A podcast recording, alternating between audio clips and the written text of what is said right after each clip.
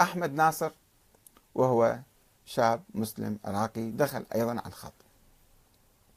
آه، وقال من باب النصيحة أقول لك عندما كنت أخباريا ونشرت عقيدة المغالاة في السودان فقد ارتكبت إثما شديدا عند الله تعالى وعليك أن تستغفر الله عسى أن يغفر نشرك الضلال بين عباده. فقلت له نظرية الإمامة الإلهية فيها عدة وجهات نظر وعدة أفكار وليست جميعها تحتوي على غلو. وقد كنت أؤمن بها كما كتبت عنها في السبعينات من القرن العشرين بأنها تعني النص على هؤلاء الأئمة الاثني عشر من النبي الأكرم. هاي النظرية معروفة. وهي على أي حال نظرية تاريخية غير موجودة حاليا. ولكن المشكلة الكبرى أو الأكبر تكمن فيما يعتقد أهل السنة والوهابية بالخصوص من وجوب طاعة الحاكم الظالم الفاسق الفاجر الذي يستولي على السلطة بالقوة والإرهاب كما فعل داعش. وعندهم أحاديث داعش ليست يعني يتيمة في حالها هذا أخوات كثيرة يعني. بناء على أحاديث هاي الأحاديث مصدقين بها وهي تؤدي إلى الكفر والضلال. وكما يعتقد حزب التحرير غير حزب غير داعش. وكما هو واقع النظام السعودي وأنظمة الخليج وغير الخليج الاستبدادية الأخرى. شفتوا ذاك الملك المغربي يركعوا له عندما يجون هذا مو ضلال الركوع لإنسان هذا ما حد يتكلم عنه هذا عادي. وهذا عين الضلال.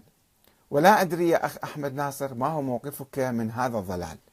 وفيما إذا كنت تعتقد بأن الأنظمة الجمهورية في إيران والعراق وغيرهما هي أنظمة ضلال وكفر وإلحاد كما يعتقد الوهابيون الذين يقولون الأنظمة الديمقراطية كفر وإلحاد وشرك بالله تعالى. فأنت تعتقد مثل ما يعتقد هؤلاء أو لا؟ يجيبني الأخ ناصر. جوابين.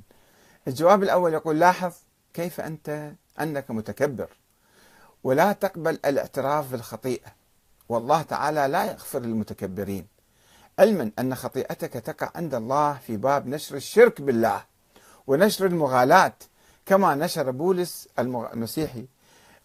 المغالاة في المسيح وحرف المسيحية وتحمل إثما عظيما بسببها. وأعيد أني قلت ذلك من باب النصيحة فقط. وبما أنك سألت سؤال خارج الموضوع وقلت لا أدري وكأنك تحاول أن تضع علي جريمة مقابل الخطيئة التي أنت قمت بها. فسأجيبك. عسى أن تكون تدري في المرة القادمة. ولا أدري يا أخ أحمد ناصر ما هو موقفك من هذا الضلال؟ هذا ما قلت له.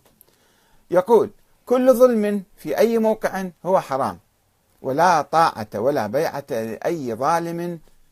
وأنا عندما كنت مجبرا على الاستفتاء في أيام صدام ذهبت وألقيت البطاقة فارغة في الصندوق حتى لا أعطي صوتي لإنسان ظالم وغير صالح.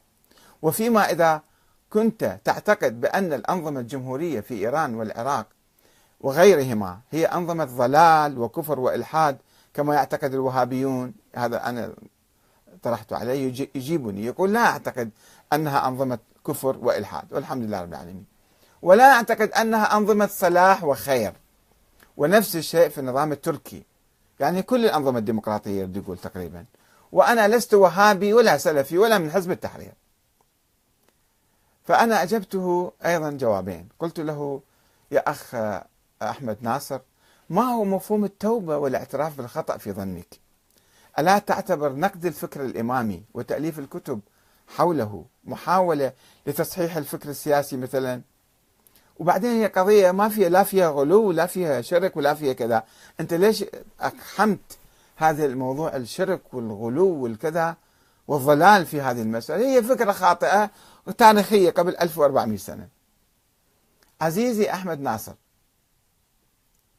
أنا لم أتهمك بأنك وهابي أو داعشي ولكني انتقدت مسارعتك لتضليل الناس. هاي الطريقة الوهابية الطريقة الداعشية يعني.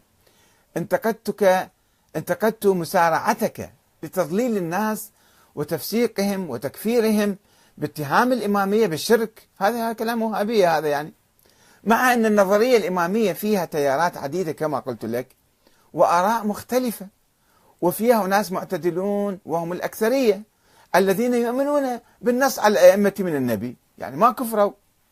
وأنهم رواة يعتقدون أن الأئمة رواة رواة أحاديث ولا يغالون فيهم. وفيهم أيضا متطرفون أو غلاة. انتقدهم وأنا أنتقدهم دائما. وعندما كنت أؤمن بنظرية الإمامة لم أكن مغاليا. وكذلك عندما دعوت إليها أو ذهبت إلى السودان ولا مشركا بالله تعالى حتى أتوب إلى الله من الشرك والضلال والغلو وأشياء اللي أنا ما اقترفتها ولا كانت في بالي. يعني هي تركب علي تهمة ويريدني أتوب من عندها أمامه يعني. ولكنك لم تجبني عن أسئلتي عن رأيك بالأنظمة الجمهورية والديمقراطية في العراق وإيران وتركيا وأفغانستان وسائر البلاد الإسلامية. وأنا لم أسألك عن أشخاص الحاكمين. حتى تقول لي هذا إنسان جيد ولا غير جيد؟ وإنما عن الأنظمة الدستورية الديمقراطية كبديل عن الدكتاتورية والملكية المطلقة.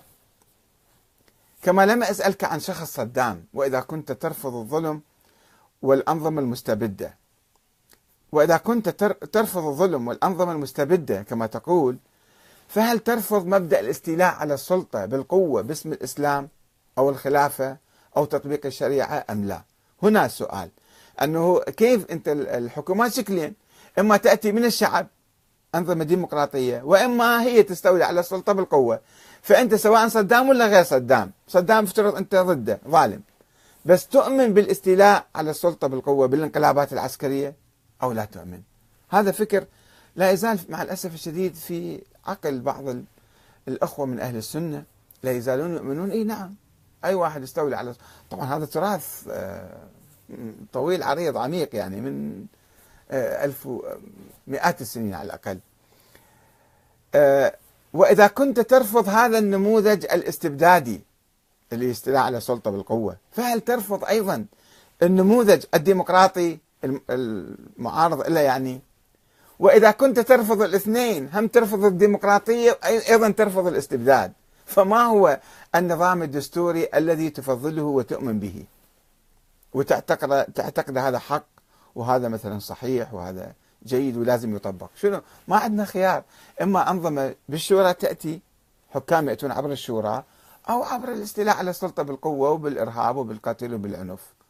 فهو أجابني قال أنا ما أؤمن بهؤلاء ولا أؤمن بهؤلاء. طيب بمن تؤمن؟ هنا سؤال يواجهنا الآن حقيقة. يواجه السنة الشباب السني الواعي المثقف مثلك يا أخ آه، أحمد ناصر. أن نحدد موقفك لماذا لا تؤمن بالنظام الديمقراطي؟ مثل النظام العراقي عيفك بالنظام الإيراني مثل النظام التركي. النظام أنا ما أسأل عن الأشخاص ما أتحدث عن الأشخاص أتحدث عن الأنظمة. فبماذا تؤمن؟